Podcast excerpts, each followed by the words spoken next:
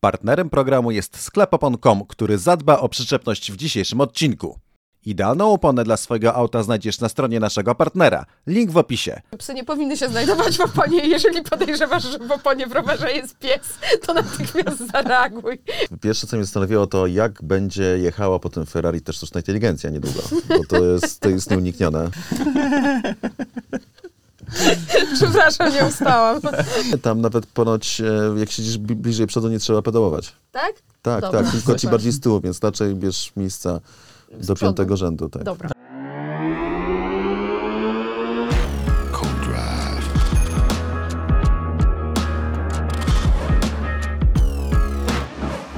Witam w Codrive numer 27. Witam Max Kapłon już w Polsce i razem z moimi ulubionymi Aldoną Marciniak via Play. Dzień dobry Aldono. Dzień dobry. Przed chwilą kazałeś mi wstać, więc widzę, że poczucie humoru jest na miejscu. I Cezary Gutowski, wolny strzelec, ale też e, niekiedy dla sport.pl. Dzień dobry, ja będę siedział jednakowoż. E, Tak, i ja też. Kto e, może, ten może. Niektórzy nie mają takich umów podpisanych, że nie mogą siadać, także, także my możemy. Stęskniliście się za mną w ogóle, tak po pierwsze? Eee, Troszkę. ładna pogoda dzisiaj, zmieniło się jakieś trzy dni Bardzo, temu. prawda? Nie Bardzo uważasz? słońce te magnolie tak kwitną, słuchaj. E, słuchajcie, Super, naprawdę wiosna idealnie. zaatakowała tak gwałtownie, bo to bardzo mnie Tak. cieszy. Drodzy Tak. Państwo, udam, że nie widziałem tej długiej pauzy i, yy, i, i, i, i wręczę Wam prezenty, które mam dla Was. Ale najpierw powiemy, o czym dzisiaj e, będziemy rozmawiać. Będziemy rozmawiać o wywiadzie z Michaelem Schumacherem, który był czy nie był, tego się dowiemy. Będziemy rozmawiać o wielkiej presji, która występuje w Ferrari. E, Będziemy rozmawiać o Grand Prix Azerbejdżanu oczywiście, e, bo niektórzy tam chyba nawet e, lecą niedługo, prawda? Tak jest i będziemy też rozmawiać o młodych kierowcach, bo jak powiedział Robert Kubica naszemu przyjacielowi Cezaremu, dużo się zmienia w tym polskim młodym motosporcie, ale do tego jeszcze wrócimy. Natomiast zanim zaczniemy o sporcie, to bardzo proszę. E, Uwaga, idą prezenty. Dla Aldony- Ja dostałam jakiś sześcian tajemniczy. To jest kostka Rubika lampijska po prostu. Otworzysz ją i wchłonie twoją duszę. Tak jest. To jest krem z drzewa sandałowego, ale takiego Naprawdę? prawdziwego, a nie 2%. O, E, czyli tu jest 100% drzewa sandałowego w zasadzie- drzewie sandałowym. Możesz to założyć na nogi nawet. To jest tak bardzo drzewo sandałowe. A ja dostanę sandał z drzewa kremowego z kolei. Y, I Ted Krawic się na ciebie obrazi. A tak, będzie bo tak, afera o sandały, tak? A No. to muszę powiedzieć teraz, bo to wiesz, bo to są wtajemniczeni. Mm, Kiedyś nie, nasz operator nie zapunktował u, u Teda Krawica, bo Ted e, gdzieś e, wpychał, wpychał. Ted, który najczęściej jest e, jako reporter Skaja w e, krótkich e, spodenkach na torze bez względu na pogodę i w sandałach. E, no i kamerzyści walczyli o pozycję przy, przy kierowcach, po czym nasz polski operator cały zadowolony, no bo przecież mówi po polsku. No i ten cholerny idiota sandał. Okazało się, okazuje się, że sandał to słowo międzynarodowe, podobnie jak i idiota. Może z, choler, z cholernym jeszcze, ale wystarczy chyba Te dwa drugi, to trzeci. E, więc tak, oczywiście na twoją piękną cerę nie są potrzebne żadne kremy, ale to jest taki, wiesz, dziękuję e, bardzo. prawdziwie naturalny, a dla Cezarego mam e, handmade'ową, ręcznie robioną lankijską świnkę. Dziękuję bardzo. Bardzo I to proszę. jeszcze jaki piękny kolorze, to jest taki Jaka śniodzik. piękna, to jest taki dziczek. No, bardzo ładny. Bardzo, dziękuję bardzo. Dziękuję uprzejmie. Tęskniliśmy z tobą, Max. Wiesz co, tak, super, że teraz, jesteś. Teraz to tęsknili, dobra. E, skoro było, miło już było. Więc, To teraz e, zaczynamy. Będzie tylko gorzej, no no.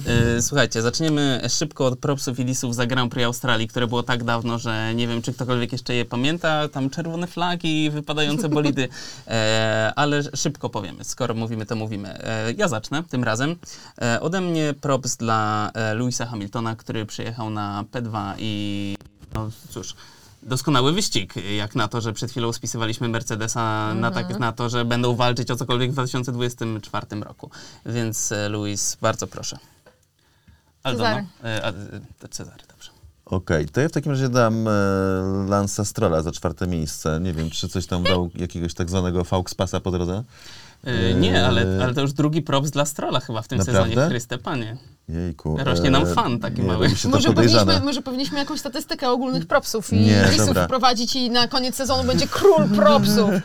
I biedak zdisowany. Tsunoda zdobył punkt, więc może nie, z tych tyłu dobrze, nie, no niech będzie, powiedziałem stroll, niech będzie stroll, e, dlatego, że tam całkiem ładne wyprzedzanie było po drodze, takie, że, że jakoś to nawet całkiem Przyznaj, że spałeś po prostu w tej Australii już tak teraz to wszystko zamazane. Nie, nie, nie. Znaczy szczerze, Nie, pa- no. coś mi się obija jeszcze o takie ostatnie zwoje pa- pamięciowe, że, e, że było tam ładne wyprzedzanie. Było to czwarte miejsce, więc y, no, było też tam trochę szczęścia. Na przykład ta kara dla Carlosa Sainza 5 sekund z całą pewnością pozwoliła mu awansować, ale generalnie myślę, że Nola zrobił tu dobrą robotę.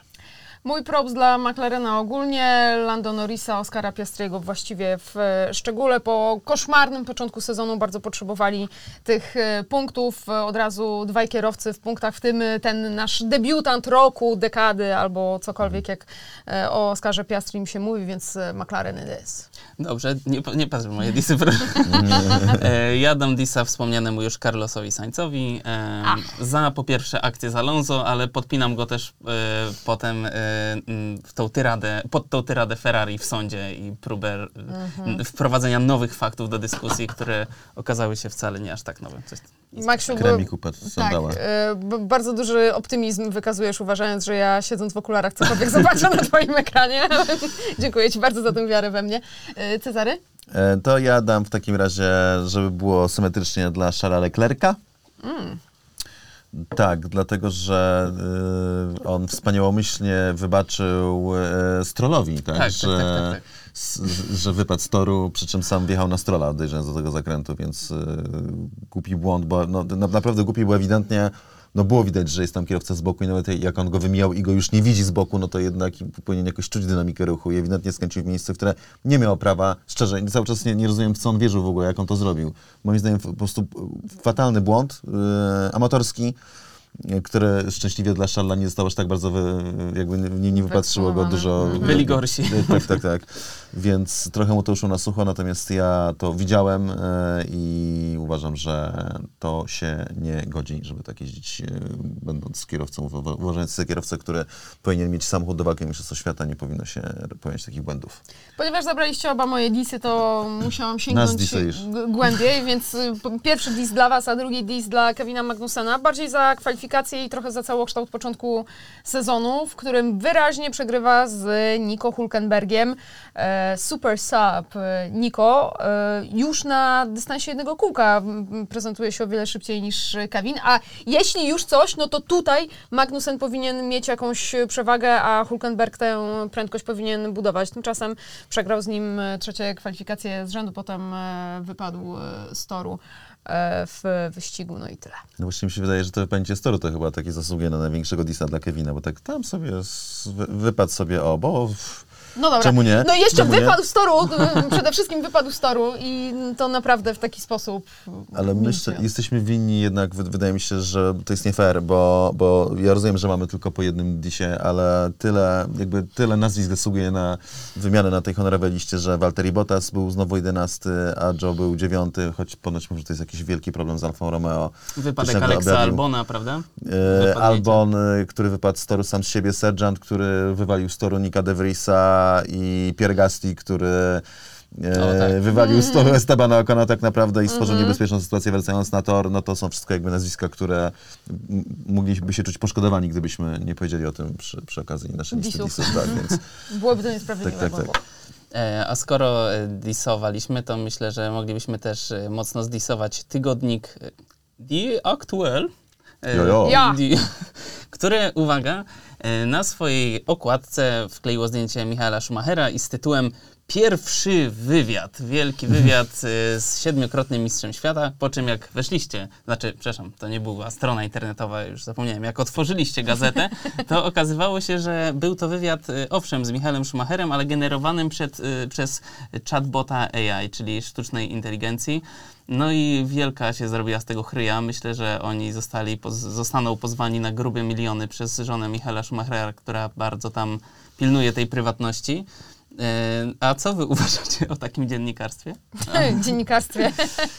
E, Słuchajcie, to brak słów e, na to, żeby określić takie, takie działanie, bo to nie są już nawet hieny, to jest, to jest naprawdę To są sztuczne hieny. to są sztuczne hieny. E, Jak można coś takiego zrobić? Roz, otwiera to kolejną dyskusję na temat, e, na temat e, dziennikarstwa w, w ogóle, ale tutaj słuchajcie, a propos sztucznej inteligencji. Przypomina mi się słownie wczoraj, nie pomnę kto wrzucił na Twittera mm, swoją dyskusję ze sztuczną inteligencją, którą spytał, jakie, chciał spytać, jakie ma być ciśnienie w oponie, ciśnienie PSI, więc e, ile PSI psi w oponie, na co dostało odpowiedź, że psy nie powinny się znajdować w oponie jeżeli podejrzewasz, że w oponie w rowerze jest pies, to natychmiast zareaguj. Więc Bardzo mi się spodobała ta reakcja generalnie, no bo widać, że jednak sztuczna inteligencja, tak się obawiamy, że może być na tak, że można wymordować, a tu się okazuje, że jednak dba o los, o los zwierzątków.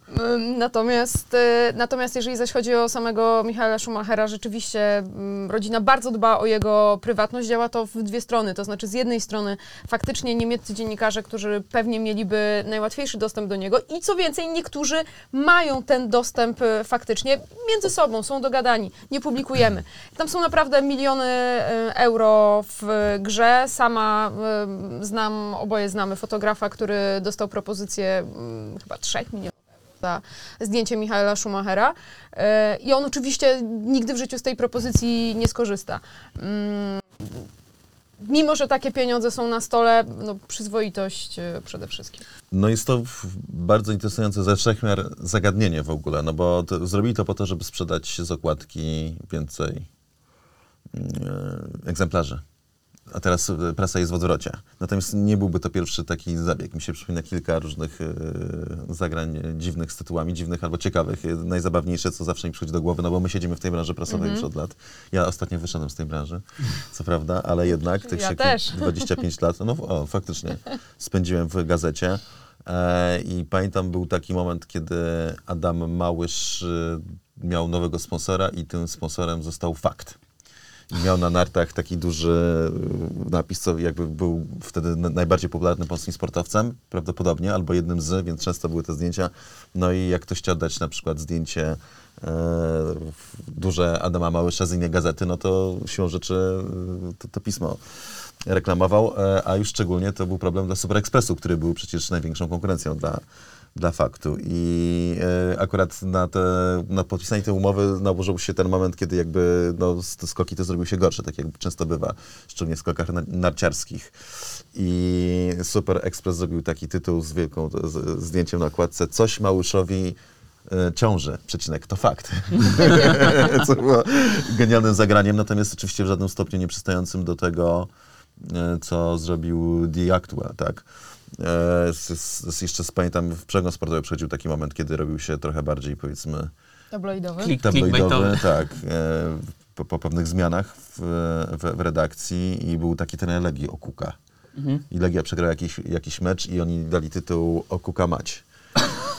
I to już jest, tu schodzimy już do tego poziomu jakby ta niżej. Albo w, w słynny tytuł w Legii Sraczka jeszcze. To, to był mniej więcej za, za tych samych rządów, kiedy ta sama osoba rządziła tymi tytułami. Więc po prostu takie rzeczy się dzieją. Natomiast no tutaj Mogę jeszcze jeden, tak, tak, tak, jeden tak. szybki przykład, y, który już właśnie idzie w tę stronę, w którą się nie powinno e, iść e, i wspominam to, w, e, zawsze pytano o różne anegdotki. Był taki czas, kiedy mm, katowicki sport mógł korzystać z treści przeglądu sportowego i dziennikarz przeglądu sportowego zrobił wywiad z trenerem siatkarzy Danielem e, Castellanim po powrocie z jakiegoś dużego turnieju, który nie poszedł. I Daniel Castellani powiedział, no, jestem bardzo zdziwiony, że tyle kibiców nas powitało na Okęciu, bo byłem przekonany, że będą chcieli nas zabić, a oni nas bardzo miło przyjęli. No i ten wywiad się ukazał w przeglądzie, po czym katowicki sport wziął sam wywiad, no ale całą obudowę zrobił swoją i w związku z tym s- y, tytuł także dał swój. Daniel Castellani, dwukropek, myślałem o śmierci.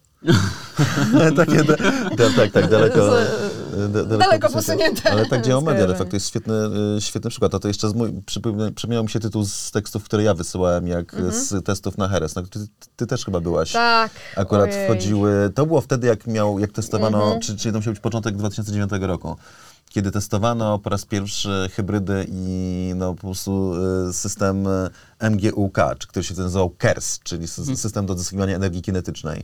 No i było całe tam poruszenie, no bo to były bardzo wysokie napięcia, więc mechanicy w grubych y, rękawicach gumowych i kierowcy no, Zeskakujący. zeskakujący z bolidu, nie schodzący, żeby nie robić uziemienia.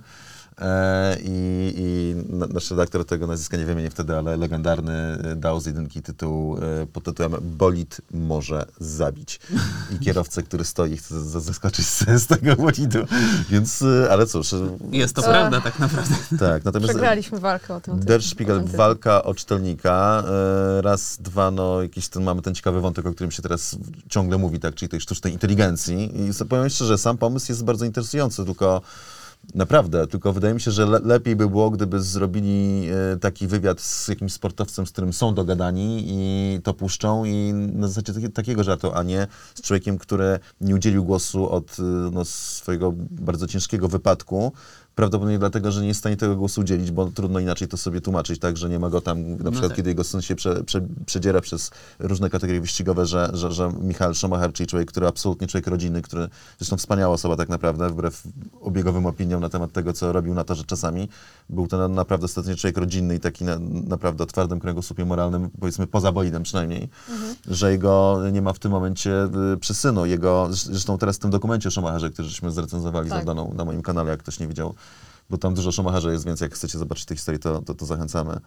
E, żona Schumachera mówi też, Mick Schumacher, o tym, że no, żona mówi, że on nadal jest wśród nas, jest Mhm. inny i tak dalej. No to jest wszystko wiadomo, że, że po prostu, jeżeli go nie ma w sferze publicznej, to znaczy, że to nie jest ten sam Michael Schumacher, którego e, pamiętaliśmy przed tym wypadkiem i być może sam Schumacher nie chciałby być tak widziany i tak słyszany, więc, więc no, jest to oczywiście takie mm, zagranie Szczerze, znaczy zastanawiam się, czy jest do tego potencjał na, na proces z drugiej strony, no bo jeżeli oni, jeżeli oni tak informują tam, to to nie jest tak, oni nie zrobili tekstu, potem my mamy ten, y, no, mamy okładkę, która y, wprowadza w błąd, ale potem ostatecznie jest to wyjaśnione. Wydaje mi się, że to jest już kwestia dla prawników do, y, do omówienia. Jeszcze raz, sam pomysł jest ciekawy, tylko nie do końca wybrali chyba dobrego sportowca, żeby... A redaktor naczelny traci pracę i bardzo dobrze. To słuchajcie, jeszcze nie kończymy tego tematu, bo ym, jeśli chodzi o sztuczną inteligencję, to nie wiem, czy wiecie, ale są już e, modele e, AI, które potrzebują 30 sekund, a są i takie, które potrzebują 5 do 10.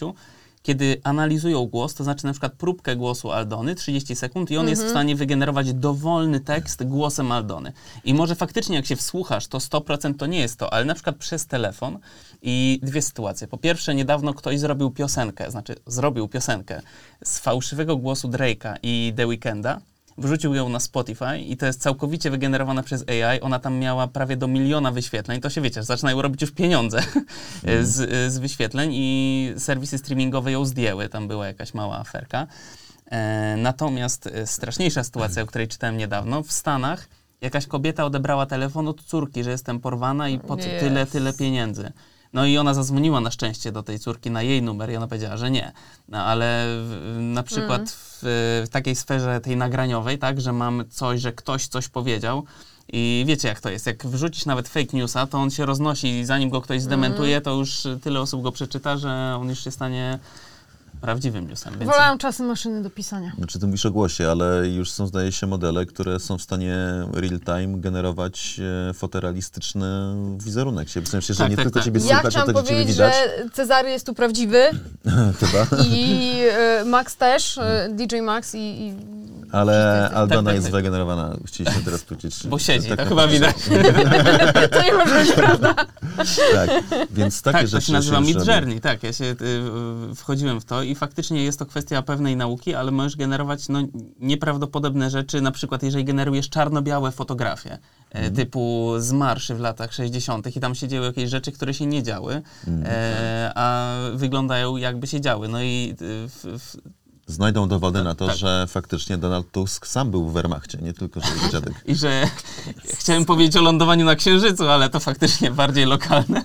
Chociaż widziałem już całe też, e, właśnie to nie, to nie są fotomontaże, są wygenerowane obrazy z tego, z udawania lotu na Księżyc. Po prostu wiecie, że masz halę, setki tak, tak, ludzi. tak, tak. no, Nieprawdopodobne. E, No i szczerze, bo jeszcze, bo ja też trochę odrobiłem lekcję ze sztucznej inteligencji. E, Jezus nie Maria, dość, ja tu o Formule 1 przyszłam będzie gadać. mówiła twoim głosem, to jeszcze będzie mówiła tak, jak ty mówisz, tą manierą, którą ty mówisz, Tak, tą tak, samą tak. intonacją i tak dalej, więc to jest najbardziej niesamowite. Natomiast co do Formuły 1, no to oczywiście jest cały ten projekt wyścigów autonomicznych, tak, czyli że ścigają się same maszyny. On Nie. jeszcze raczkował do niedawna. A teraz wydaje mi się, że nabierze rozpędu w związku Nie z tym. I będą normalnie rozmowy na radiu, bo będziesz mówił do maszyny, no to ci będzie, będzie, tu będziesz sobie generował jakiegoś y, tego, Manuela Fangio w swoim na przykład. Dla mnie puenta jest jedna, jeżeli zauważysz, że pies jest w twojej oponie rowerowej, to zareaguj, bo to nie jest miejsce dla psa. I stawiła go tam sztuczna inteligencja. Nie, uwolni go sztuczna inteligencja.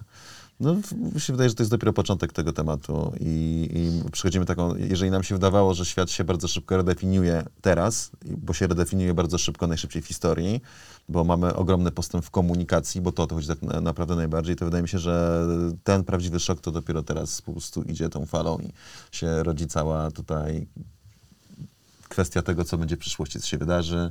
Tak, to jest nowa rewolucja zrobi. po prostu. Tak, jest to nowa rewolucja, chyba największa w historii. E, No ja się często, bo dużo się o tym rozmawia, więc mi- mi dawno temu utkwił w pamięci takie zdanie z, z Lema, z eseistyki, taka myśl, że, że może się okazać, że ostatecznie człowiek jest jakby ostatnim elementem życia biologicznego i że całe życie biologiczne, które powstało z przypadku, e, będzie prowadziło tylko do tego, żeby stworzyć ten byt idealny, którym będzie sztuczna inteligencja, po prostu dlatego, że ona jest, e, no po pierwsze, raczej niepodatna na emocje, przede wszystkim to, co najważniejsze, jest nieśmiertelna. Jest nieśmiertelna. Więc e, to mnie, po- doprowadziło do innego takiego, e, e, do innej rozkminy, mianowicie takiej, że jak są te filmy, że tam przylatują ufolutki, Independence Day i tak dalej i wy- wychodzą te dziwne takie humanoidalne albo inne stwory, to ostatecznie odnoszę wrażenie, że jeżeli coś tutaj przyleci, to to nigdy nie będzie organiczne i żywe. To będzie sztuczna inteligencja, która została stworzona, czyli ten byt idealny stworzony przez inną cywilizację w innym zakątku planety i ona mogła tutaj lecieć, ona nie, nie jest podatna na, na czas, więc może lecieć spokojnie 30 tysięcy lat albo 40 tysięcy lat, 50, nie znudzi się.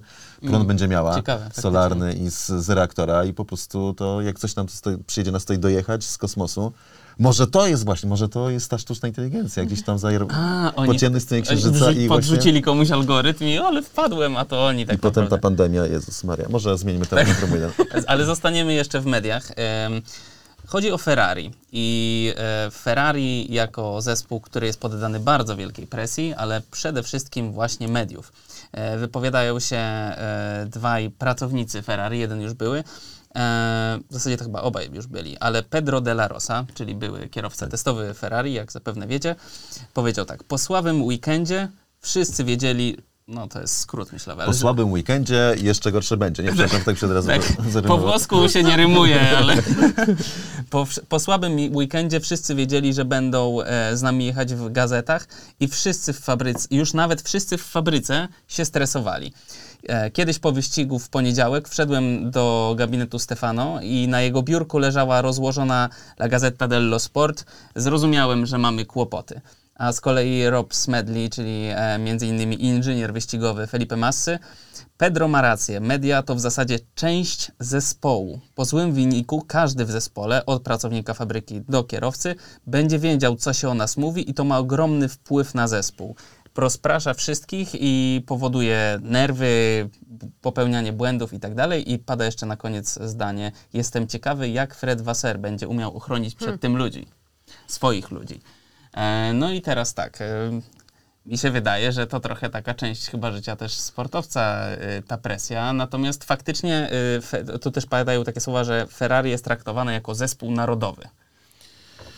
Tu ma kilka aspektów. Pierwsze, co mnie zastanowiło, to jak będzie jechała po tym Ferrari też sztuczna inteligencja niedługo, bo to jest, to jest nieuniknione, co ona wymyśli. Natomiast w tym obrazie to, co zwróciło najbardziej moją uwagę, to jednak, bo to o tym się mówi, natomiast y, od lat, tak, my o tym wiemy niby, że, ale my nie jesteśmy Włochami, nie funkcjonujemy, nie czytamy tej La Gazzetta dello Sport. Ta jakby wizja kiedyś Domenicali siedzi w biurze i jest teraz rozłożona ta La Gazzetta.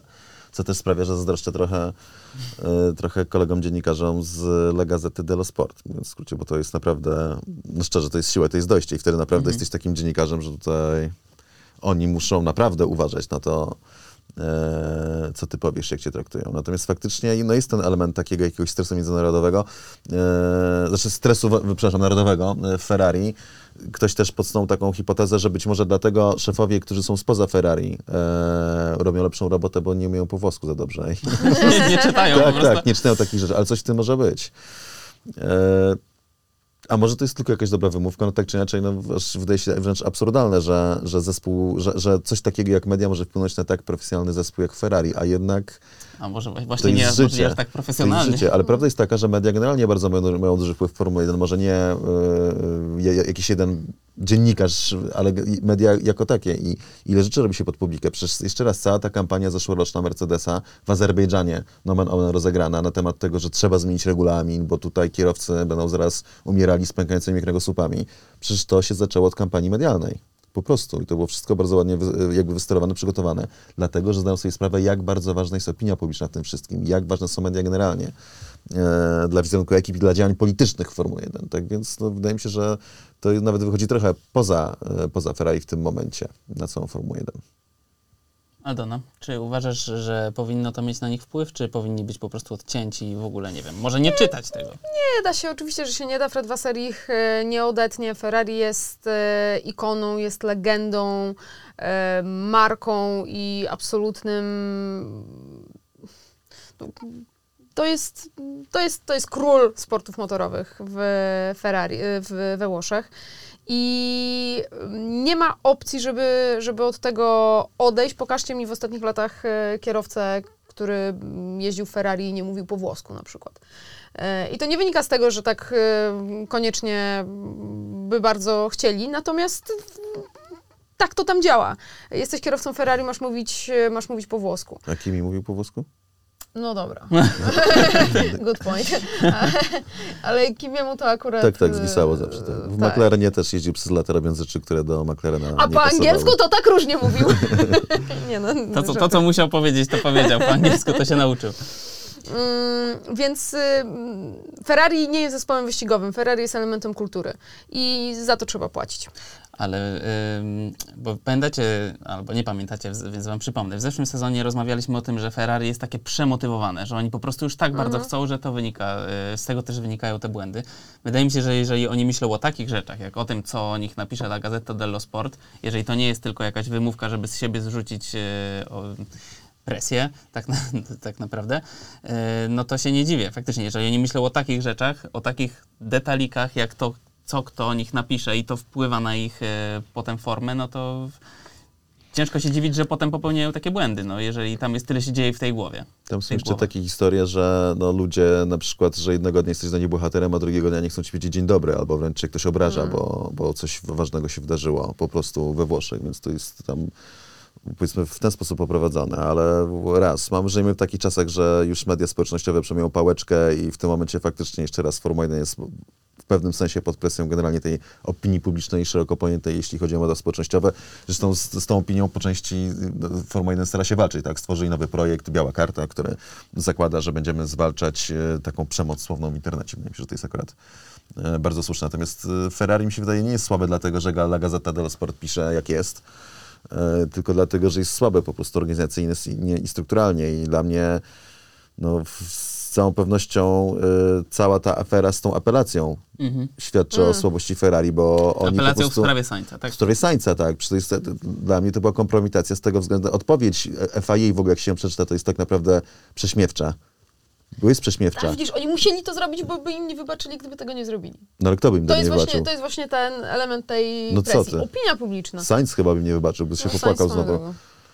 No co ty, ale mi się wydaje, że opinia publiczna to ostatecznie właśnie zdawała sobie sprawę, w czym tkwi sedno. Mi się wydaje, że Ferrari, że to co też mówiłem zresztą we vlogu, że oni chcą e, jakby odsunąć uwagę od klubu problemu, problemu dopi- po- doponując się jakieś tam czwarte miejsce, y, płaczliwie średnio istotne, biorąc pod uwagę problemy Ferrari i niezasłużone, dlatego że kara dla Sańca nie musiała paść, ale jak padła, to została zasłużona.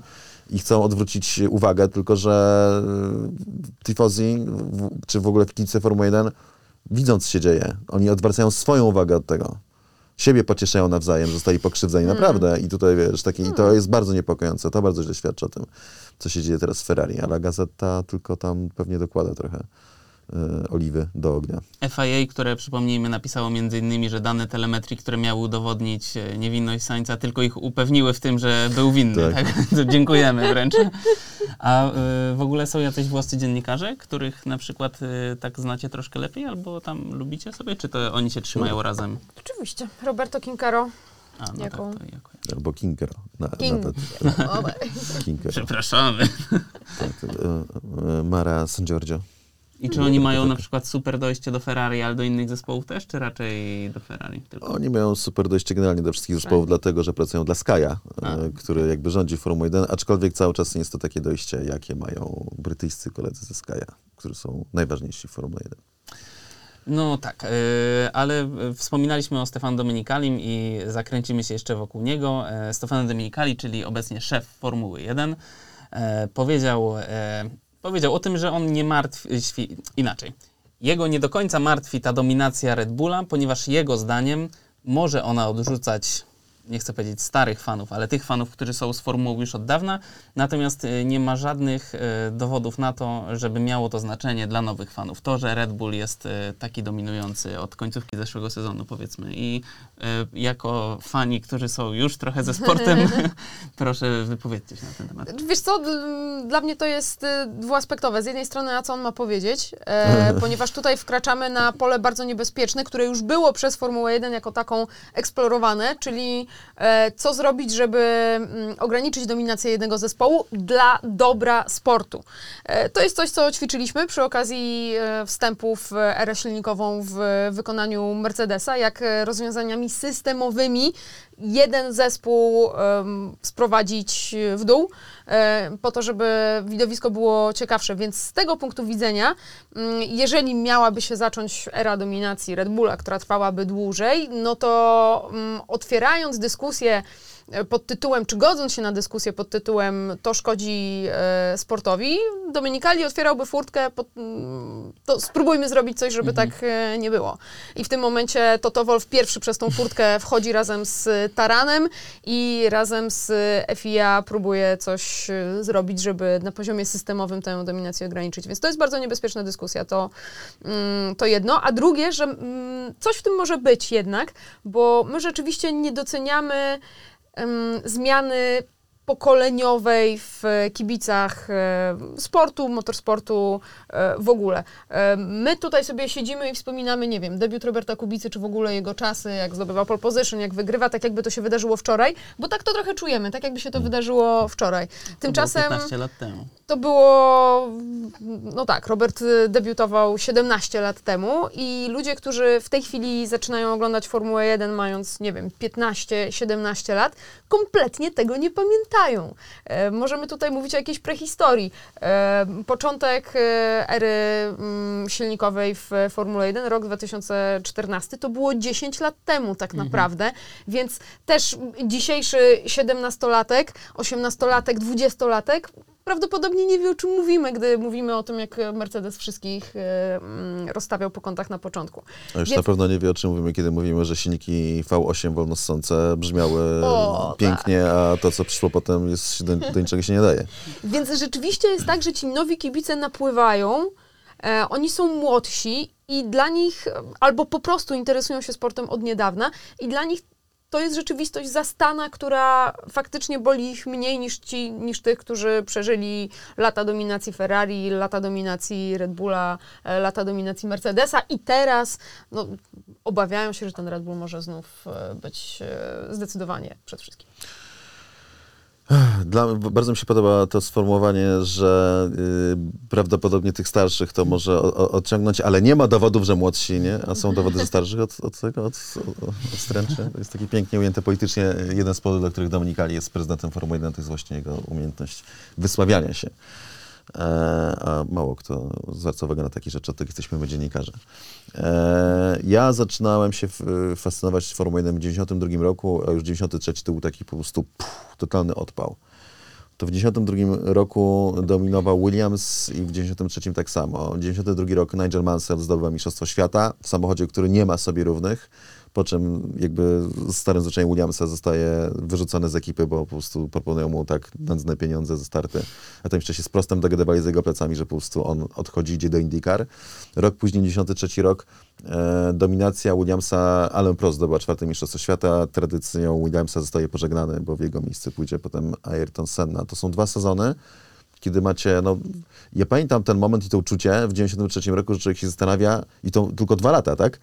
Że kiedy to minie w ogóle, czy ta domi- dominacja minie, ale w żadnym stopniu mnie to nie zniechęcało do oglądania Formuły 1. Natomiast potem oczywiście był rok 94, bardzo taki e, mocny, e, bo po pierwsze śmierć Ayrtona Senna, po drugie walka o mistrzostwo Michaela Schumachera z Damonem Hillem, przy czym Schumacher został zdyskwalifikowany albo niedopuszczony do 1 czwartej wyścigów tego sezonu, a Hill do wszystkich to w ogóle inna, in- inna tam szła e, historia, więc to pokazuje, przynajmniej na moim przykładzie, nie tylko, że nawet jak ma, macie jakiś okres wielkiej dominacji, to to niekoniecznie stręcza fana, dlatego że tam szuka różnych innych wyrażeń. Natomiast też mi się wydaje, że młodych ludzi, bo się też na tym zastanawiam, że ostatecznie to nie ocenię, dlatego że mało kto z tej nowej grupy y, widzów, szczególnie jeśli takich drive to survivingowych, tak naprawdę ogląda wszystkie wyścigi, ogląda je do końca. Oni chcą, oni się interesują takimi rzeczami, które na przykład ja uwielbiam też w Formuła 1.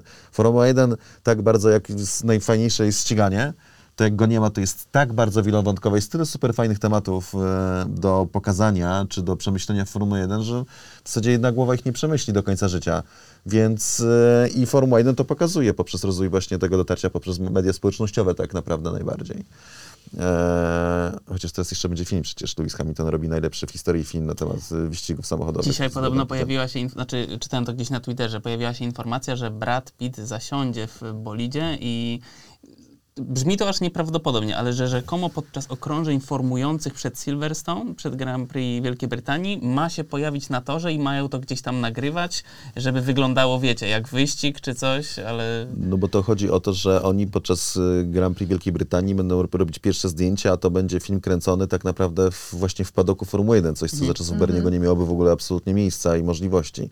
Czyli oni będą krę- krę- kręcić taki ultrarealistyczny film na temat Formuły 1 w środowisku Formuły 1, ultrarealistyczny taki, że kobiety będą mechanikami jeszcze i że jakby, jakby ró- różne mniejszości etniczne będą równo reprezentowane padoku. Wspaniale. będzie tak realistyczny, że będzie kręcony właśnie na torze, więc to by tłumaczyło, dlaczego brat, ma się, brat Pitt ma się pojawić. W każdym razie to są wszystko te bodźce, na które polują y, nowi fani. Szczerze mi to akurat to, to też ostatecznie się podoba, bo to są ludzie, Chętnie którzy też Pitta w moje media. Nie, mówię, teraz nie ale, mówię bardziej już o tych, e, przychodzą do tego, że fani, to, to, to, to czego szukają ci no, nowa fala fanów w dużej mierze. Ja nie mówię, że to tam nie ma ludzi, którzy chcą oglądać wyścigi. Nie, nie, broń Boże, z całą pewnością najważniejsze jest ściganie, ale jednak jest o tyle więcej, że że mi się wydaje, że to też za bardzo, że, że to też bardzo nie grozi. Grozi bardziej coś te, takiego, nie wiem, światopoglądowego. Jeżeli się okaże, że nie wiem, że aby robić olej do silników Formuły 1 morduje się kotki niewinne, czy coś takiego, albo, albo Ustaliliśmy, mniejszości że psy są, na pewno są psy w oponach. To można załatwić, tak. A, dokładnie, że, wk- że wkładają psy do opon, na przykład, to, z tego może wyjść jakaś wielka afera. Nic większego. Natomiast jeszcze mamy, Pirelli. jeśli chodzi o te kwestie sportowe, no to cały przecież Przepraszam, nie ustałam. No tak. e, A Cezary zgubił wątek. Tak, Ja tak, też tak. przepraszam.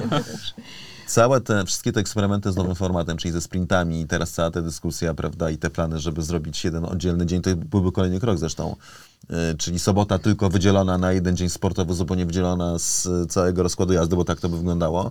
No to to jest y, ukłon właśnie w stronę tych, y, tych nowych kibiców, którzy no, mają problemy ze skoncentrowaniem się na czymś dłużej niż minuta, tak? Bo minutę zdaje się ma teraz y, Reels? Nie, bo już miło mi się Reelsy z, Z shorty mają z shortami, tak, i, i TikTokami. Short, tak. Szart. No, y, wiecie co, myślę, że jest jeszcze jedna kwestia, że mówienie o nowych fanach, tak jak oczywiście to jest generalizacja duża, natomiast ci nowi fani to niekoniecznie muszą być tacy fani, którzy na przykład zostaną na kolejne 15 lat, tylko może sobie poglądają w tym roku i w następnym i jak będzie na przykład za dwa lata dalej, tak, to mogą wtedy odejść, bo mnie z kolei, jak oglądałem Formułę 1, to ta dominacja Mercedesa odrzuciła na kilka lat i ja tak wróciłem Aha. w 2019-2020 tak naprawdę do takiego oglądania, że tak powiem, full time. A przez pewien czas po prostu zupełnie mnie to przestało interesować i po prostu ciężko się to oglądało. Powiem ci, że teraz jak o, tym powiedziałeś, to faktycznie te, też tam dużo komentarzy w, w, u mnie na YouTubie osób, które, które były y, przez jakiś czas i potem dużo jest takich historii, a potem przestałem oglądać, bo właśnie takie, że no nie, nie za bardzo było co oglądać, bo dominacja czy, czy tego typu, więc to jest prawda. A potem często piszą, że wrócili, bo ten, bo zobaczyli, nie chwaląc się, bo wiele, to jest najbardziej największy komplement dla twórcy, to jest taki, że miałem coś, na, na coś już wywalone i z, zobaczyłem, jak ty o tym opowiadasz i znowu mnie zainteresowało. No to bardzo miłe, faktycznie. To bardzo miłe, y, ale teraz wracamy do teraźniejszości, czyli Grand Prix Azerbejdżanu 2023. E, przypomnę e, Wam i naszym słuchaczom i widzom, e, co się działo w zeszłym roku. To był ten wyścig, w którym e, pole position zdobył Charles Leclerc z czasem 1.41 359 e, i Charles Leclerc wystartował z tego pole position, ale nie dojechał do końca. Zresztą tak samo jak jego kolega zespołowy Carlos Sainz, z tego co pamiętam to Sainz to było dziewiąte okrążenie, a Leclerc 22 czy trzecie, więc e, w miarę na początku. E, Podium wyścigu to był Max Verstappen, Sergio Perez i George Russell, czyli w ogóle taki wyścig, który mógłby się wydarzyć w tym roku, mam wrażenie. E, I, i, I to by się wszystko zgadzało. E, Długość e, okrążenia e, 6 km 3 metry, 51 okrążeń, dystans wyścigu 306 km 49 metrów. E, Rekord okrążenia we wyścigu to jest Charles Leclerc w 2019 roku 1.43.009. No i tak jak powiedziałem, e, taki wyścig mógłby wydarzyć się w tym roku. E, Aldona i... Optymistycznie dla Mercedesa, optymistycznie, Tak, proszę tak. pana. Wrócimy do tego, wrócimy do tego układu na podium w tym roku, ale e, porozmawiajmy, najpierw porozmawiajmy o torze jako takim, ponieważ oboje na nim byliście. Not yet. Ja dopiero, dopiero będę. dobra, Cezary. Cezary był, więc ja słucham No to- jego, to- to- czytam, czytam przewodnik kibica No właśnie, tak, oczywiście. i zbieram Może- tipy, gdzie pójść na jedzenie. Więc tak, tam jest, e, że się jedzie najpierw prosto, a potem A potem skręca w lewo. 90 stopni Aha. i potem znowu 90 I potem stopni znowu w lewo. i potem znowu 90 stopni. Znaczy I jest to, potem f- znowu faktycznie prosto. jest to dobry początek, dlatego że jest to tor faktycznie wytyczony po części na planie takiego dość nowoczesnego miasta, przynajmniej jeśli chodzi o rozkład ulic.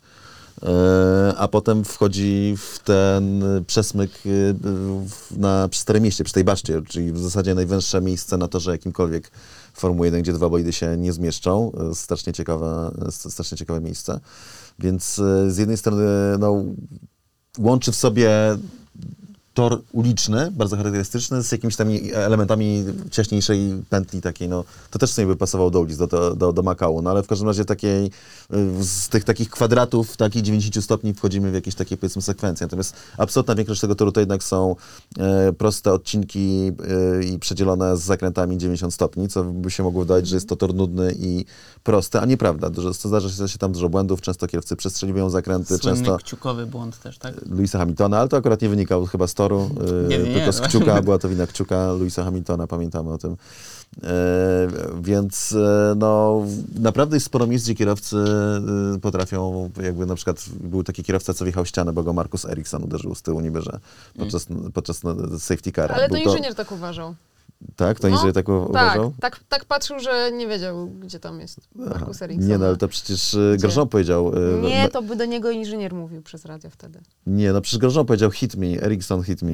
Nie, to było... Może to było hit me? Tak, tak.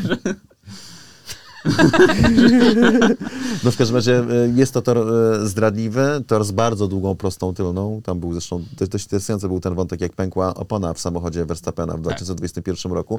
I chyba e, także Stroll miał bardzo podobny Tak, tak, wypadek tak, na swoim tak, tak, miejscu. tak. Tak, tak, tak. Co z jednej strony Bardzo świadczyło o tym, że opony nie były jakoś za dobre na ten typ toru, a faktycznie jak jest taka długa prosta, to one mogą nie być do końca. Chociaż to twierdzono, że to było przypadkiem, ale raczej to była kwestia tego. A druga rzecz, która się wyłoniła, to taka, że tam jest tak zrobiony wjazd do, do boksu, trochę jak na, na naszym torze Silesering, który jest bardzo fajnym torem szkoleniowym, niekoniecznie jakby sportowym, ale szkoleniowym. Natomiast je- jedną jego wadą jest wyjście z ostatniego, z ostatniego zakrętu, bo jak coś tam źle wycyrklujesz czymś szybkim, to po lewej masz wjazd do boksów, po prawej tor, a po środku ścianę, która je oddziela. Okej. I zaczęto się, zastanawiać, co by się wydarzyło, gdyby ten samochód przy prędkości 320-30 km na godzinę pękła opona i gdyby się nadział bokiem na tą ścianę, która oddziela pit lane od głównej prostej. I to jest cały czas, moim zdaniem, niby to tam miało być poprawione, ale nie wiem, czy to jest takie zagadnienie łatwe do, do e, naprawienia. Jest to tor, na którym się wyprzedza, szczególnie dzięki tej długiej prostej. Mi się wydaje, że też e, bardzo ciekawe będzie w tym roku w ogóle. Zobaczymy, jak ta jakby druga, drugie pokolenie bolidów nowej generacji, jak będzie na tym torze działało. Sam e, Azerbejdżan mi się bardzo podobał. Ja lubię tego typu klimaty, bo jest takim miastem, z jednej strony jest tam dużo kamienic, takich naprawdę wysokich, e, niektóre bardzo wysokie, takich, takich budynków wręcz trochę socrealistycznych bym powiedział, albo takie No lata tak. 50., coś takiego. Z drugiej strony takie nowoczesne budynki. Natomiast jest to miejsce, w którym ja czułem się generalnie y, bezpiecznie. E, Miejsce raczej cywilizowane, nie, nie takie powiedzmy, że no w Arabii Saudyjskiej, w Dżudzie to trochę wyglądało powiedzmy bardziej hardkorowo, chociaż też ludzie byli bardzo przyjaźni i tak dalej, ale powiedzmy, że, że Azerbejdżan jest o wiele taki bardziej prosperujący, o wiele le- lepiej rozbudowany. E, Jedzenie jest bardzo smaczne, coś ala kuchnia gruzińska, tylko bardziej bogata i jeszcze bardziej urozmaicona. E, Mięsa, dużo mięs najróżniejszych i szczególnie w sosach duszonych, nieduszonych, tego typu rzeczy tam można znaleźć. Będą Także relacje. Pierogi, nie pierogi, placki, Zapraszam. tego typu rzeczy, e, dobre rzeczy. I faktycznie, faktycznie jest, tam, jest tam gdzie pójść sobie na, na, na jedzenie. Biuro prasowe bardzo ładne, bo w Tak? hotelu, tak, w hotelu, który jest zaraz obok nam jest cały padok, więc, więc e, dość e, wygodne. Do, dobry catering jest dla dziennikarzy też na miejscu, to mogę zostawić dobre wszystko? desery. Nie trzeba nigdzie iść. E, Ciekawy padok, bo tam takie baraki są jeszcze w środku. Natomiast mega fajne miejsce, więc tutaj absolutnie polecam. Oczywiście też, żebyś poszła na grid, na, na, na start, bo dość ciekawie wygląda przed, przed wyścigiem. Bardzo fajnie. Więc no, mi, się, mi się ten weekend podobał generalnie i podobał mi się ten wyścig też. No i to jest weekend sprinterski. Pierwszy sprint y, w tym roku, mm, do tej pory trzy sprinty, teraz y, sześć, więc całkiem sporo. Sam pomysł y, sprintu na to, że w Baku oczywiście wzbudził sporo kontrowersji, no bo no bo mm, co zrobić, jeżeli, jeżeli samochód zostanie zniszczony na tym torze, to akurat jest bardzo prawdopodobne, więc oczywiście wiadomo, że zespoły dostają więcej kasy, jest powiększony ten budżet na weekendy sprinterskie. Duże zamieszanie związane z formatem, bo też przeprowadzenie takiej zmiany formatu na kilka tygodni tak naprawdę e, przed wyścigiem zaczęło się po raz pierwszy o tym mówić. Jest bardzo skomplikowane. Nie jest tak, że sobie wymyślisz i to klepniesz, tylko najpierw musi się zgodzić na to FIA, potem się musi na to zgodzić komisja F1, a tam masz e, znowu FIA, e, zespoły szefów ekip. Potem musi to klepnąć Światowa Rada Sportów Motorowych, więc to jest całkiem skomplikowany proces, żeby coś takiego sobie wymyślić i doprowadzić do realizacji takiego pomysłu z sobotą dedykowaną tylko sprintowi, mm, z kwalifikacjami w e, sobotę i do sprintu i sprintem w e, sobotę, który to sprint bez przełożenia na wyścig. E, No bo co, może omówmy, tak, że po, pomysł ciekawy? na zmianę takiej... Po, ja wiem, że jest dużo słów krytyki. Mi się akurat... Ja lubię eksperymenty, mówiąc w skrócie, więc y, y, nie mam nic przeciwko temu. Nie, mi, mi to by absolutnie nie przeszkadzało, natomiast rozumiem, to pewnie jeszcze przejdziemy do tych słów krytyki, które o nim będziemy, będziemy rozmawiać. No, pierwotny sprint był wymyślony tak, żebyśmy mieli y, jeden trening w piątek, wieczorem w piątek kwalifikacje, już mamy pierwszą akcję, pierwszą sesję, która ma znaczenie. To mi trochę... kwalifikacje do sprintu. Tak, Tak tak, kwalifikacje do, bo- do, do, do sprintu, tak, tak. e, do sprintu.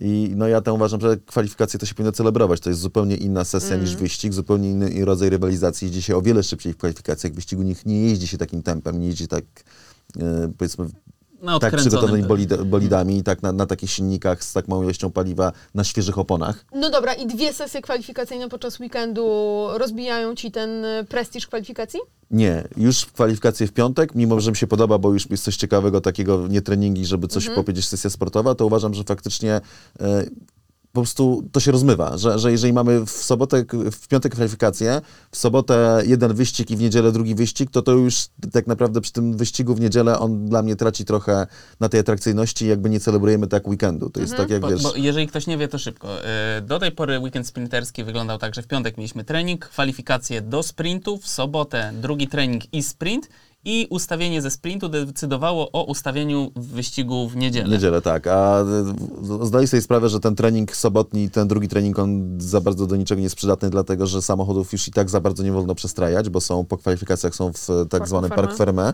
czyli co oznacza, że po prostu nie wolno przy nich za bardzo dłubać. E, Natomiast no, ta druga opcja to jest taka, żeby, żeby po prostu były e, kwalifikacje zamiast tego drugiego treningu, tylko w innym formacie. Też były dyskusje, czy to ma być, e, że na, na pewno nie podział na trzy sesje, z tego co, co rozumiem, tylko tam Skrócone dyskutowano, chyba. że albo skrócone, albo na przykład, co nie wejdzie pewnie, bo to jeszcze w momencie, kiedy o tym rozmawiałem, to jest jeszcze nieprzyklepane, one lap qualifying, coś co dawno temu było. Czyli, że każdy kierowca wyjeżdża na tor i ma po innym okrążeniu dostępnym dla siebie, co trzeba zdać sobie sprawę z tego, że to nie jest do końca fair w tym względzie, że zazwyczaj kierowca, który jedzie pod koniec sesji ma najlepsze warunki, bo tor się poprawia, za każdym przejazdem robi się, odkłada się trochę gumy i tor się robi coraz bardziej przyczepny, taka jest reguła. Więc y, no, zastąpić y, drugi trening kwalifikacjami i zrobić, żeby te kwalifikacje były tylko do tego wyścigu sprinterskiego, co by jeszcze, bo kolejny był zarzut taki, że e, w sprincie się nie ryzykuje, dlatego że jak coś smościsz, to potem w wyścigu głównym, gdzie masz do zdobycia więcej punktów, będziesz jechał z tyłu co ci potrafi przekreślić e, cały wyścig, więc w tym celu po prostu oddzielnie, tak żeby piątkowe kwalifikacje dawały ci pewną pozycję startową w niedzielnym wyścigu, a w sobotę jak coś w wyścigu potem zmaścisz, no to i tak będzie to bez konsekwencji w sprincie, tylko po prostu e, w niedzielę masz start z tej pozycji, którą sobie wcześniej wywalczyłeś. Więc wydaje mi się, że to nawet wygląda ciekawie. Mi, mi, mi takie rozwiązanie by się podobało. Na pewno chciałbym zobaczyć, jak to będzie fun- funkcjonowało. E, to ja na przykład powiem, jak ja się z tym czuję, bo o tym, bo, bo, bo długo o tym myślałem i najpierw myślałem sobie, super, więcej akcji. Potem sobie myślałem, nie, dobra, to jest zbyt skomplikowane, w sensie wiadomo, wiem o co chodzi i to rozumiem ten rozkład, ale już za dużo tego kminienia, która sesja. Ale potem przyszła mi jeszcze jedna rzecz do głowy, że czy jakbym oglądał aż tyle akcji, załóżmy, że to się przyjęło, jest ekstra i każdy wyścig jest takim weekendem, no to czy jakbym już oglądał tak naprawdę dwa wyścigi co weekend, czy po prostu, wiecie, czasem mamy przesyt, jak są trzy weekendy, jeden po drugim. Ja mam zawsze przez jak są trzy, jeden po No drugim. właśnie, a to byś dużo. miał jeszcze, to byś miał tak naprawdę trzy i jeszcze po pół każdego weekendu. No i w padoku y, podzieliłem to sobie na trzy y, obozy. Jest po pierwsze obóz Max Verstappen, który absolutnie gardzi sprintami. On w ogóle ostatnio jest taki, że co chwila mówi, że "No to nie, jak to wprowadzał, to nadchodzi. No, to jest taki trochę się smętny zrobił. Jest Toto Wolf, który mówi, wolę normalny weekend, ale rozumiem, trzeba się adaptować, dobra. I jest George Russell, który mówi, ja nie lubiłem, ale już lubię. Więc... Y, czy, czy po prostu będą się przekonywać ci kierowcy y, do tego po kolei? No myślę, że Verstappen, jak mu się nie podoba, to tak on mi brzmi na takiego, co będzie raczej orędownikiem y, klasyki. Ale kierowcy nie mają nic do powiedzenia tak naprawdę. No właśnie. Tak. Więc e, może tam czasami jakiś pojedynczy... Louis to jest kierowca, który ma coś do powiedzenia i którego można trochę wysłuchać, ale też przecież nie będzie dyktował, jak będzie wyglądała Formuła 1. No, w pewnym momencie powiedzą, no dobra panowie, okej, ale bądźmy poważni, kto, kto tym rządzi, my tym rządzimy. Więc ci kierowcy będą o tym de- decydowali. Z tego Maxa to mnie to bawi, jak on mówi, że on tutaj Odejdzie. odejdzie, tak. Wszyscy drżymy, znaczy ja w, w, uważam, że jest wybitnym kierowcą, moim zdaniem najlepszym teraz z Formuły 1, ale jak będzie chciał sobie odejść, no to adios amigos. W sensie jest dużo innych kierowców, którzy chętnie wejdą w twoje miejsce, których ja, ja też chętnie zobaczę w Formule 1, więc takie gadanie tutaj, że to jest takie trochę Luisowe podejście, tylko że Luis to jest siedmiokrotny mistrz świata. Drugi raz. Nie chcesz tego kremu, to powiedz. Chyba nie trafiłeś z prezentem. E, e, to Luis tutaj może powiedzieć, bo on faktycznie jest ikoną tego sportu, faktycznie no, ma bardzo dużą taką bazę wiernych, chociaż teraz Max niby też ma. No ale no, to, to jest po prostu instytucja, tak, w, w tym sporcie od 2007 roku. E, tyle i tyle tytułów mistrza świata, tyle i tyle wygranych wyścigów, wypracowane, wyrobione drogi, plus jeszcze cała historia tego, że był de facto faworyzowany od samego początku. To inna sprawa, więc to, to Luis sobie może grozić, że odejdzie z Formuły 1. Max moim zdaniem jeszcze nie jest na takiej pozycji, żeby się jakoś szczególnie ludzie przestraszyli tutaj, zarządzając tym sportem, że co to będzie, jak Max odejdzie. Ale zastanawiam się, on chyba tego nie mówi w taki sposób. Tak mi się wydaje. No nie Znaczy, znam nie, to- go. On no, chyba nie tak. mówi tego jako groźba, tylko na takiej zasadzie, że on to już co miał zdobyć, to zdobył i No. Już wszystko to tam, reszta to już jest bonusik, więc po prostu jak mu się nie będzie podobało, to sobie przejdzie, nie wiem, do sim Może tak racingu. I. E, no dobra, to e, nasze podium w takim razie. E, Cezary, podium 2023. Sergio Perez, specjalista od torów. Łahaha. Nie, E, ulicznych.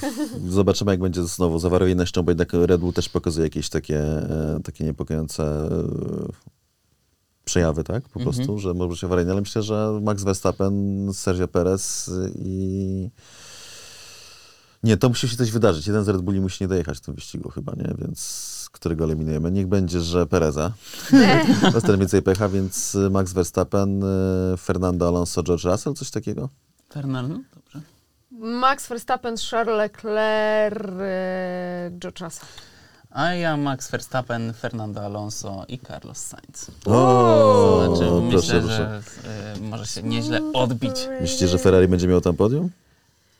Myślę, że trzecie Że- miejsce. W, wydaje mi się, że się będzie dużo działo. Zobaczymy. Dwa DNF, jeden silnik i jedno... Ten, jedno ko- nie, no nie chcę tutaj źle wróżyć dla Ferrari, ale ponoć nie przyniosą upgrade'ów, które mieli przygotowane na Właśnie, wiesz Baku. co, są, są e, ciągle sprzeczne informacje, bo z jednej strony e, wiadomo było, że ten największy skok e, upgrade'owy robią na Imole i że tam Tak. to będzie cały wodospad e, poprawek, ale tutaj już mieli przywieźć tylne i przednie skrzydło, potem informacje, że jednak mm, nie zdążą z tymi poprawkami na Baku, tylko właśnie głównie Imola, a gdzieś tam ja słyszę, że jednak, jednak mają na, na No to z Baku z czymś zdążyć. Tylnym skrzydłem, no to jak Więc- mają gdzieś przywieźć tylne skrzydło na baku, w sensie, no to, bo tu chodzi pewnie o tylne skrzydło z mniejszym dociskiem Tak. aerodynamicznym jeszcze, prawda? No to No i tak, to- jak nie zdążą na baku, to na ilu jeszcze teraz wykorzystają tak, to skrzydło, no tak? tak, Trzeba je tak. mieć raczej teraz. To zasłona dymna, żeby biedni dziennikarze w La Gazzetta dello Sport nie wiedzieli, co Tak, tak, pisać. tak. Po prostu mają spokój przez chwilę. E, no dobrze, e, ale w- przez ten miesiąc wydarzyła się jedna wspaniała rzecz. E, Zespół Roberta Kubicy zajął podium. E, I Robert Kubica, bo to też e, zajął trzecie miejsce. Miejsce na podium, o to mi chodziło, tak, tak. trzecie miejsce.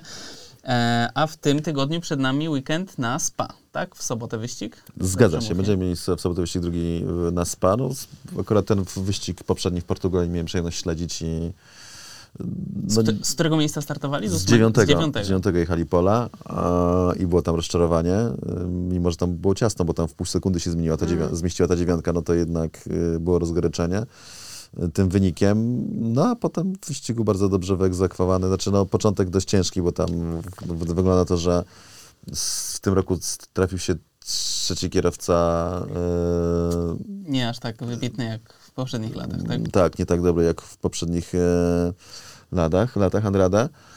E, I no, widać było i po minach, i w wypowiedziach, i też taki body language pokazywał, że i Louis Deletraz, i Robert nie są zbyt zadowoleni z tego, że w pierwszej części wyścigu Rui, który za, zaczynał stint cały, że no, spadł na ostatnie miejsce i tak dalej, no widzą, że tego tempa nie ma, natomiast y, to oczywiście nie może być e, pretensja do Andrade, bo po pierwsze od czegoś masz tych kierowców, którzy mają niższe licencje, że, że po prostu to tak powinno wyglądać. Sęk w tym, że po prostu są tacy, co mają niższe licencje, a radzą sobie wiele lepiej, a po drugie, no ostatecznie to jest Przypuszczam, że to szef zespołu całego mówi, że tak dogadują się z nim z trzeci kierowca. W ogóle to jest niesamowite, bo tam wokół Andrady tam jest siedem osób, osiem się kręci. Tak, tam jest, y, on ma ponoć pięciu menedżerów, słyszałem, przy czym jeden pierwszym jest jego brat. Ale bo ma takich grubych sponsorów, czy... I, i, I zobacz, i każdy z tych menedżerów podpisuje kontrakty sponsorskie. No i potem, Będę badał. i potem masz y, pięciu menedżerów naprzeciwko jednego biednego szefa ekipy i co on ma zrobić? No, Tak, tak, tak, tak, tak. Jeszcze mówił każdy w innym języku. Będę badał ten temat, bo już słyszałem jakieś sugestie, że to jest jakieś tam połączone z y, tym, z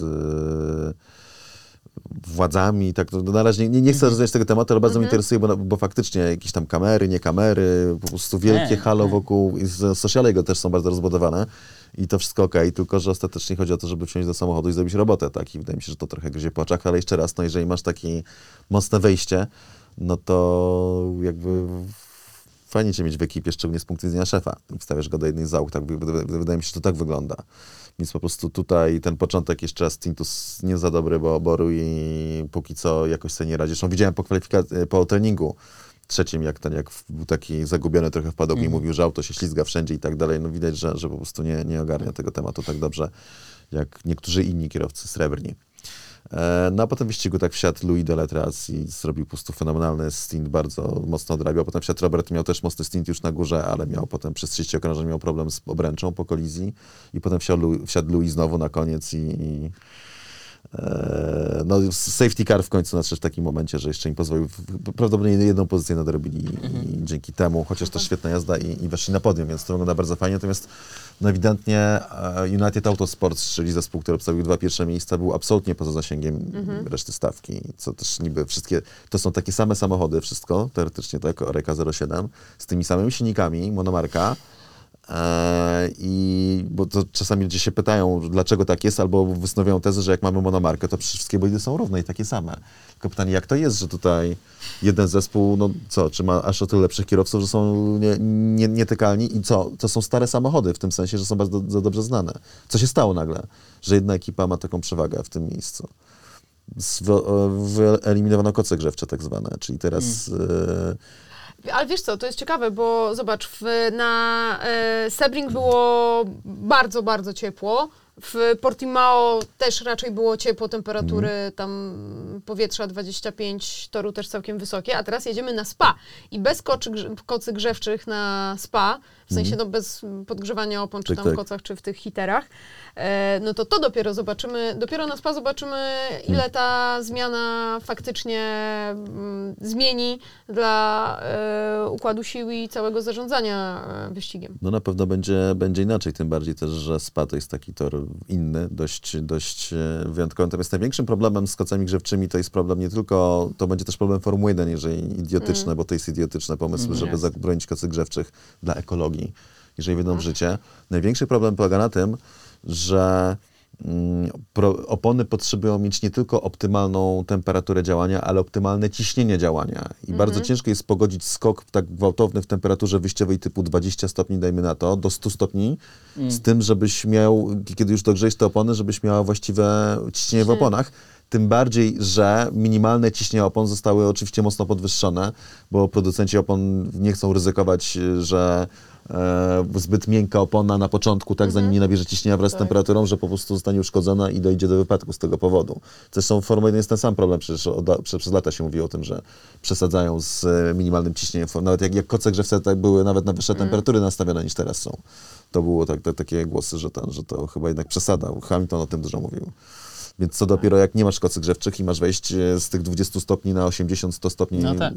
operacyjnej temperatury opon. I to wymaga po prostu zupełnie innego zestrojenia samochodu, nowych ustawień. I to tłumaczy, dlaczego w, ty, niby w tych samych, w takich samych bolidach jeden team, dwie załogi zdobywają dwa pierwsze miejsca poza, za, poza zasięgiem reszty stawki. A jakieś prognozy na spa w tym tygodniu, w ten weekend? Nie, myślę, że to jest nie, nieprognozowalne, więc No, Okej, szczerze. mocno Tak. losowe, No. tak? Tak, no jest po prostu także z powodu, z powodu 6-7 tych załóg. Mhm. które stać na to, żeby walczyć o zwycięstwo spokojnie. E, no dobrze, tak jak mówiłeś o tym, że niby monomarka, zawsze ktoś jest lepszy, to troszkę mi się skojarzyło z kategoriami juniorskimi.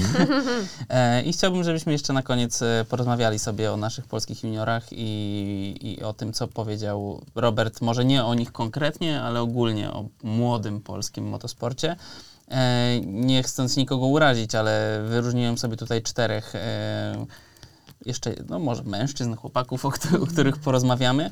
Mm, przypomnijmy, y, Maciej Gładysz y, ostatnio testy w F4 No jeździ też na co dzień w, W kar- w, w kartingu, w kartingu, tak, tak jest. Teraz już. E, Tymek Kucharczyk, e, obecnie seria GB3 i w e, wyścigu w, o, na Outland Park miał w pierwszym wyścigu pią, piąte miejsce, w drugim ósme, a w trzecim już tam nie punktowane. To chyba było 11 czy 12. E, mamy Romana Bilińskiego, który ściga się w serii Freka i nie dokończył ostatnio pierwszego wyścigu, który miał miejsce. No i Kacper Sztuka, o którym chyba, była, chyba było ostatnio najgłośniej w ostatnich Tak. dniach czy tygodniach, czyli e, wygrana w pierwszym wyścigu e, na Imoli, następnego dnia awaria i ostatnie miejsce, tak jak napisałeś, Tak, taki tak. jest motorsport po prostu. Em, w Formule 4. E, podpisany kontrakt, Włoskiej. e, tak, włoskiej, czyli tej uważanej za tą najsilniejszą. Tak. E, No i kontrakt podpisany z dużym polskim sponsorem, z Orlenem. Em, to po pierwsze czytałem i mam nadzieję, że wy też czytaliście. Jeśli nie, to, to zachęcam na sport.pl duży wywiad Czarka z Robertem Kubicą, jeden z dwóch, bo jeszcze jest na twoim YouTubie oczywiście, ale tam poruszaliście temat i Roberta jako młodego kierowcy i, i tego, jak on miał, a jak mają teraz. A E, to, to, to, to było niepublikowane. nie, no, Ten fragment o tym, jak e, o młodych kierowcach, czy wejdą, czy nie wejdą, to jest... e, On nie wszedł do, do tego wywiadu głównego, więc to jest jeszcze te, materiał... Już, czekaj, może chodzi, mamy niepublikowane fragmenty, ale chodziło, chodzi, chodziło mi tylko o to, że mówił o tym, że teraz w wywiadzie padają takie słowa, że teraz młodzi kierowcy mają trenerów, coachów, analityków. O to Tak, mi tak, chodziło. tak, mm, tak, tak. E, a gdy Robert wchodził, no to jeździł sam, na przykład e, z pieniędzmi, które miał odłożone na te testy. Mm, No ale tak jak mówisz, e, były pewne fragmenty niepublikowane i to było to, co mówiłem na początku. Wybrałem sobie kilka cytatów. fakty mówią, że, że dużo się zmieniło w polskim motorsporcie. Oczywiście zaczynając od kartingu i idąc wyżej. Pierwsza rzecz to jest ilość kartingowców, którzy wyjeżdżają za granicę, którzy startują w zagranicznych imprezach. E, Druga to też wiadomo, że mając większą ilość e, są też większe możliwości i jest łatwiej znaleźć utalentowanych e, polskich kartingowców i później potencjalnie też kierowców w wyższych kategoriach, ponieważ im większa ilość, to tym łatwiej też jakby jeśli jest jeden kierowca, który startuje, no to jak brakuje mu talentu, no to jest tylko jeden. Jeśli masz ich e, 50, no to jest łatwiej jakby, że się, że się trafi ktoś utalentowany, że ktoś się rozwinie dobrze, ponieważ e, jakby oczywiście talent jest ważny, ale później też praca, sposób rozwijania się jest równie ważny lub nawet ważniejszy niż e, sam talent. Myślę, że jest coraz więcej, znaczy na pewno było coraz więcej fanów e, i zainteresowania nie tylko Formułą 1, ale motorsportem ogólnie w Polsce. Także sporo rzeczy się zmieniło. Jeśli popatrzymy na to, jak ja zaczynałem, no to jest to duża zmiana. Ale to, czy ja się do tego przyczyniłem, czy nie, nie wiem. Nie wiem, jakby było, gdyby mnie nie było. Wiem, jak jest teraz. E, I, i sam fakt, że e, przed moimi startami Formuły 1, Formułę 1 e, nie znam statystyk, ale myślę, że oglądało 10 razy mniej osób lub nawet więcej od kiedy zacząłem jeździć w Formułę 1 w 2006 roku, to jednak e, zainteresowanie było duże e, albo nawet ogromne. No i zanim jeszcze powiem, e, co Robert powiedział na pytanie Cezarego, czy młody Polak ma szansę na wejście do Formuły 1, e, no to spytam was, co wy uważacie na ten temat, Cezary. Bo ty wiem, że śledzisz kariery tych młodych kierowców. No tak, no, trzeba było jeszcze wymienić kilku kierowców, takich jak Janek Przyrowski, który Tak. no, bardzo dobrze Tak, sobie tak, radzi tak, w kartingu i w zeszłym roku był trzeci w Mistrzostwach Świata Juniorów. Teraz Karol Pasiewicz jeździ w kazecie, czyli w, biegówkach, trochę mniej znane nazwisko. Jest też Gustaw Wiśniewski, który też miał bardzo dobry początek sezonu za granicą. Ma w końcu Piotra Wiśniewskiego, który jeździ w Formule 3 z kolei FIA i to jest A, tak. jakby no, skok na ultra głęboką wodę, o czym mówiliśmy. Rzecz zasadza się w tym, że mm, to jest też Robert mówi w tym y, wywiadzie. Nie wiem, czy w tym fragmencie, który był publikowany, czy nie. Ale myślę, że zastanawiam się, czy go w ogóle nie wstawić na podcaście po prostu całego tego wywiadu, bo on jest dłuższy, jeszcze jest, jest bardzo, bardzo ciekawy. Mówi o tym, że jest bardzo dużo kierowców młodych utalentowanych i taka jest prawda. To nie jest tak, że mamy tutaj e, nie wiem, kilka tysięcy juniorów jeżdżących w kartingu w różnych miejscach świata. Oczywiście najważniejsze to jest w Europie i że mamy tam, nie wiem, tylko dwóch, trzech nowych Verstappenów czy Hamiltonów. To jest naprawdę e, duża grupa kierowców, którzy jeżdżą na bardzo wysokim poziomie. I na, a nawet jeżeli jeden z nich jest powiedzmy szybszy od reszty, to, to są tak minimalne różnice i ta sama prędkość jest tak mało istotna w całym ogóle, jaki musisz mieć do dyspozycji, żeby iść dalej, że nie masz takiego znaczenia, więc ostatecznie no, no to nie jest tak, że, że mamy że jak będziemy mieć jakiś wielki talent, że mamy kilku zawodników, którzy mają potencjał, żeby wejść do Formuły 1, to on zostanie włapany i wciągnięty, no bo takie talenty to się nie zdarzają, tylko to jest po prostu konkurencja z wieloma kierowcami, którzy mogą być ciut wolniejsi, ale mimo tego mają inne karty przetargowe mocniejsze. Najważniejsza e, karta przetargowa to jest oczywiście budżet, który masz do dyspozycji, ale nie, nie tylko. Moim zdaniem, i to też jak mnie pytają, a często jestem pytany o to, moim zdaniem najważniejszą osobą w karierze młodego kierowcy teraz to jest menedżer i to jest menedżer, któremu możesz zaufać, bo takich, którzy będą obiecywali złote góry, szczególnie jak od razu z góry zapłacisz e, prowizję, to jest dużo. I takich, co ci wiesz, załatwia miejsce, ale najpierw przynieść sponsora, a ja utnę 20% albo 25%. To naprawdę znajdziesz dużo. Takiego, który faktycznie ujrzy w, ujrzy w nim materiał na kierowcę Formuły 1, bardzo dobrego, wyjątkowego, i zobaczy w nim biznes po prostu do zrobienia także, no bo to jeszcze niestety tak to działa. Więc to, czego potrzebujesz najbardziej, mając już te przy, przymioty, które moim zdaniem kilku kierowców z tej grupy już ma, ja nie mówię, który z nich jest najlepszy, bo mogą być na pewno jakieś drobne różnice, ale kilku jest takich, którzy moim zdaniem naprawdę się zapowiadają, no to no, w, w, teraz trzeba zna, znaleźć kogoś, kto po prostu ma kontakty, ma chęci, żeby tak jak Daniele Morelli był w przypadku Roberta Kubicy, tylko to były inne czasy wtedy, który będzie chciał tego kierowcę po prostu do Formuły 1 doprowadzić. I to jest największy problem. Przy, znaczy inaczej, kiedy masz już pieniądze, w skrócie, z takiego czy innego źródła. No dobrze. y, Robert spytany o to, czy młody Polak wejdzie do Formuły 1. I Szczerze mówiąc, spodziewałem się, że odpowiedź będzie w stylu, że no ciężko powiedzieć, bo teraz jest tylu chętnych i jest, tak, jest takie duże zainteresowanie i tak, i tak dużo rzeczy właśnie poza tylko poziomem sportowym ma wpływ. A Robert odpowiedział, że skoro jemu się uda, udało, to teraz powinno być tym bardziej łatwiej. E, no i z jednej strony tak, faktycznie skoro jemu się udało w tych tym braku warunków, oprócz tego czystego talentu i ciężkiej pracy oczywiście, e, dojść, e, no to teraz e, młodzi kierowcy mają dużo więcej narzędzi do dyspozycji, tak? Dużo więcej niż on miał, natomiast no, wydaje mi się, że właśnie tak jak mówisz, tak wiele rzeczy ma wpływ na to, poza czystym twoim poziomem sportowym, czy nie twoim, tylko, tylko młodych kierowców, e, że, że, że jednak nie wiem, czy to nie jest jeszcze trudniejsze niż było. No mi się wydaje, że to znowu jest takie... To tak samo jakby się zastanowić na tym, czy teraz jest łatwiej zostać dziennikarzem Formuły 1 niż kiedyś. To jest bardzo otwarta kwestia, no bo teoretycznie tak, no bo teraz media są wolne, tak? W sensie, że ja nie byłbym teraz takim szczęśliwym twórcą, jakim jestem teraz, gdyby nie powstały media społecznościowe, bo z takich czy innych przyczyn y, mój, mój styl operowania y, był doceniany w zasadzie na stałe tylko przez Kanal Plus jako telewizję. W innych inne zależności były po, po, potrzebne.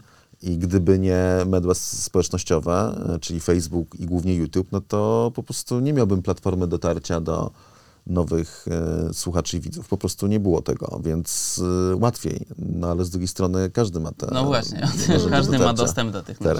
narzędzi. I jak mają teraz wybrać widzowie tego No tak, tak, najlepszego? jak się pokazać w ogóle, jak wyjść do przodu? Tak, tak, no i to jest, no to jest na wielu polach, to- czy typu na przykład youtuberzy technologiczni, tak, zajmujący się, nie wiem, recenzją sprzętu. No, jak masz 200, no to mo- naprawdę 70 może być świetnych, ale coś sprawi tak, że z tych 70, Tak. 60 po prostu się nie wybije i będzie robiło super content, ale, ale nie będą mieli po prostu szans się wybić. Dziękuję Wam bardzo za dziś. Bardzo się cieszę, że się spotkaliśmy tutaj razem i piszcie w komentarzach, czy podobała Wam się taka forma w studio i czy chcecie więcej. E, słyszymy się już niedługo, bo tydzień po Grand Prix Azerbejdżanu mamy króciutki lot na... Kochani, będziemy się słyszeć teraz bardzo często, bo w 6 tygodni mamy 5 wyścigów, także ho, Naprawdę? oczywiście. Się... Entuzjazmu, entuzjazmu. Na szczęście nie wszystkie sprinterskie jeszcze, ale tak. I na więc- szczęście nie wszystkie się pokrywają z łekiem. Szczęśliwie. E, więc tak, jeżeli macie jakieś fajne tematy, to podrzucajcie. bo spotkań będzie wiele. Dziękuję Wam e, raz jeszcze.